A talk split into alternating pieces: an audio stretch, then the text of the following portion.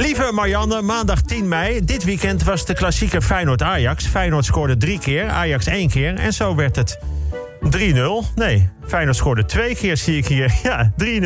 Voor FC Groningen, daar gaat het mij het meest om. Won met 4-0 van FC Emmen. Mede dankzij een fantastisch spelende Arjen Robben... die na de wedstrijd in tranen uitlegde hoe die ervan had genoten. Arjen Robben. De man heeft voor stadions van 100.000 mensen gespeeld... bij Chelsea, Real Madrid, Bayern München. Hij heeft de Champions League gewonnen. Met Oranje een keer tweede, een keer derde bij de WK. Opgeteld 12 keer landskampioen. En Arjen heeft tot tranen van emotie genoten... op het kunstgras van Emmen voor een leeg stadion. Genoten omdat hij eindelijk weer eens lekker had gevoetbald. Ook als je op een trapveldje in de modder zou spelen... met een paar vrienden in de stromende regen... met een half lekker bal en twee jas op de grond als doeltje. Arjen had ervan genoten. En dan begrijp je dat een echte voetballer... gewoon alleen maar lekker wil voetballen. En dat hoeft niet voor 200.000 euro per wedstrijd... op een biljartlaken van gesproeid gras... voor 80.000 uitzinnige fans. En wat dat betreft zijn Arjen en ik dus precies dezelfde voetballers.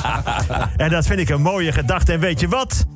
Als Frank de Boer me nodig heeft, ik stel me beschikbaar voor de EK voetbal. En de grote Edwin Evers is afgelopen weekend 50 jaar geworden. Maar het grote nieuws op diverse sites, wat ik las, was toch dat hij niet alle 50 kaarsjes in één keer heeft uitgeblazen.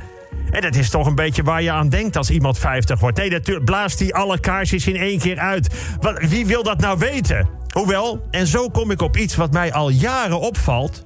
Bij vriendinnen, niet bij vrienden. Vrouwen zijn er heel erg goed in. Waarin, Peter? Nou, als je een interessant verhaal hebt over wat dan ook, hebben ze altijd een vraag waar je het antwoord niet op weet. Kleine vraag, altijd. Bijvoorbeeld, ik bel Edwin om te feliciteren. Heel gesprek over van alles. Nou, klaar. Dit zou een moment kunnen zijn voor mijn vriendin om te vragen... En had hij alle kaarsjes in één keer uitgeblazen? Hoe weet ik dat nou? Vrouwen hebben altijd een vraag waar je het antwoord niet op weet. Ik ga de hele dag met vrienden fietsen, praten, drinken. Heel veel praten, heel veel. Weten we op een bepaalde manier alles van elkaar. Kom ik thuis, krijg ik de vraag... Is de dochter van Robert nog van studie gewisseld? ja, daar hebben we het dus niet over gehad. En uh, is de moeder van de vrouw van Johan al gevaccineerd? Hoe weet ik dat nou? Ja, waarom weet je dat niet? Heeft Leo al aan Marieke verteld over de mogelijke nieuwe baan in Venlo? Hebben ze zich ingeschreven voor de Labradoodle puppy? Hebben ze elkaar nog gehad? Heeft Chantal nog last van de darmen? Die was toch naar de dokter? Ik weet het niet. Waar hebben jullie het dan over? Ja, over van alles. Ja, uh, gaat het goed met William? Ik denk het wel. Hij had een goede mop, dus... Ik...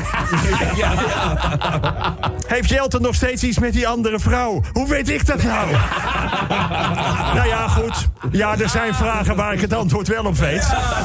Maar waarvan ik doe alsof we het er niet over hebben gehad. Wat ik bedoel te zeggen...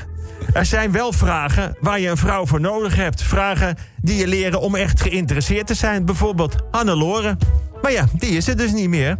En zij stelde hele andere vragen. Bijvoorbeeld ook hoe het met mij ging. En dat is misschien niet zo'n opvallende vraag... maar zij luisterde ook naar het antwoord. Nou, wat ik eigenlijk wil zeggen... Edwin, gefeliciteerd. En uh, heeft hij eigenlijk al een nieuwe vriendin? Ja, hoe weet ik dat nou? Dinsdag 11 mei.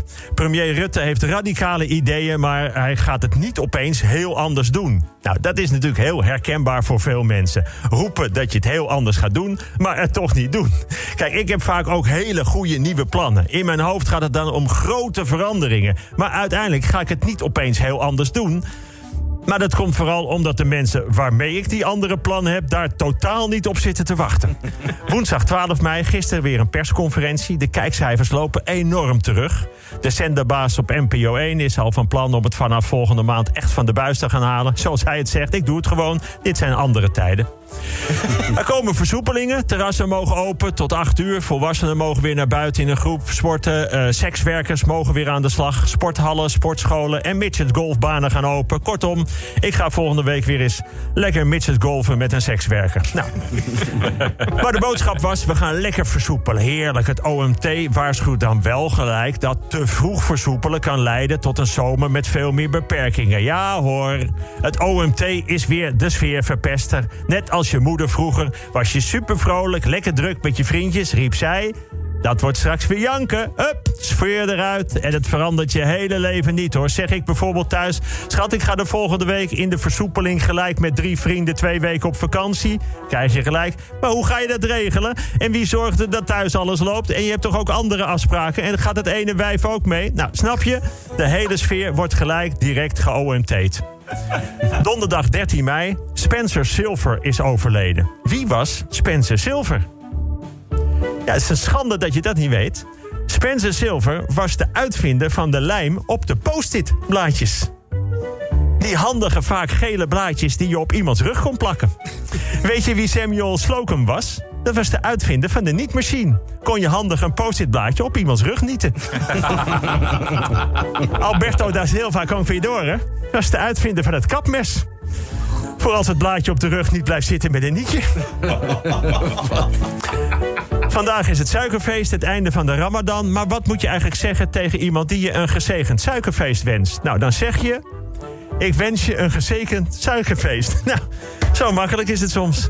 Vrijdag 14 mei, ADO Den Haag en VVV zijn gedegradeerd in de eredivisie. Uit de eredivisie, VVV zelfs met de topscorer van de eredivisie in het team. Heel raar. Met een spits die zoveel doelpunten maakt, toch degraderen.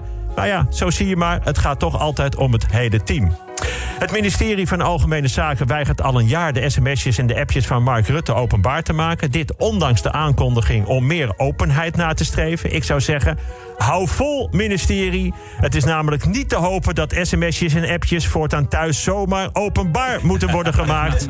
Ik vraag dit voor een vriend en namens 5 miljoen andere mannen. Volgens de reisorganisaties worden de buitenlandse vakanties komende zomer flink wat duurder door het beperkte aanbod. Zelf was ik aan het zoeken naar een vakantiehuisje in eigen land. Nou, laat ik het zo zeggen. Zo duur is een buitenlandse vakantie niet. Voor de huur van een vakantiehuisje in Nederland moet je in het algemeen eerst je eigen huis verkopen. Nou, lieve mensen, hou nog even vol. Vanaf komende woensdag is de volgende stap van het grote versoepelen, net als in Engeland. Van premier Johnson mogen de Engelsen elkaar weer aanraken. Een stevige hand geven, een knuffel. Ja, is te gek, hoewel. Hoewel, advies daar is om het selectief te houden. Omhels je partner, je ouders, je kinderen en je kleinkinderen. Ja, ja mensen, ik heb ook een lijst met hele andere mensen. En, en mensen op die lijst, daar vind ik een hand of een knuffel echt nog maar een beginnetje. Bespringen is wat mij betreft nog een hele voorzichtige uitdrukking... voor wat ik in mijn hoofd heb. Ik ga, als het mag, echt radicaal versoepelen. Maar ik ga het nog niet opeens heel anders doen. Ik hou ook nog even vol. Nog even mensen. Het is nog even. Tot volgende week.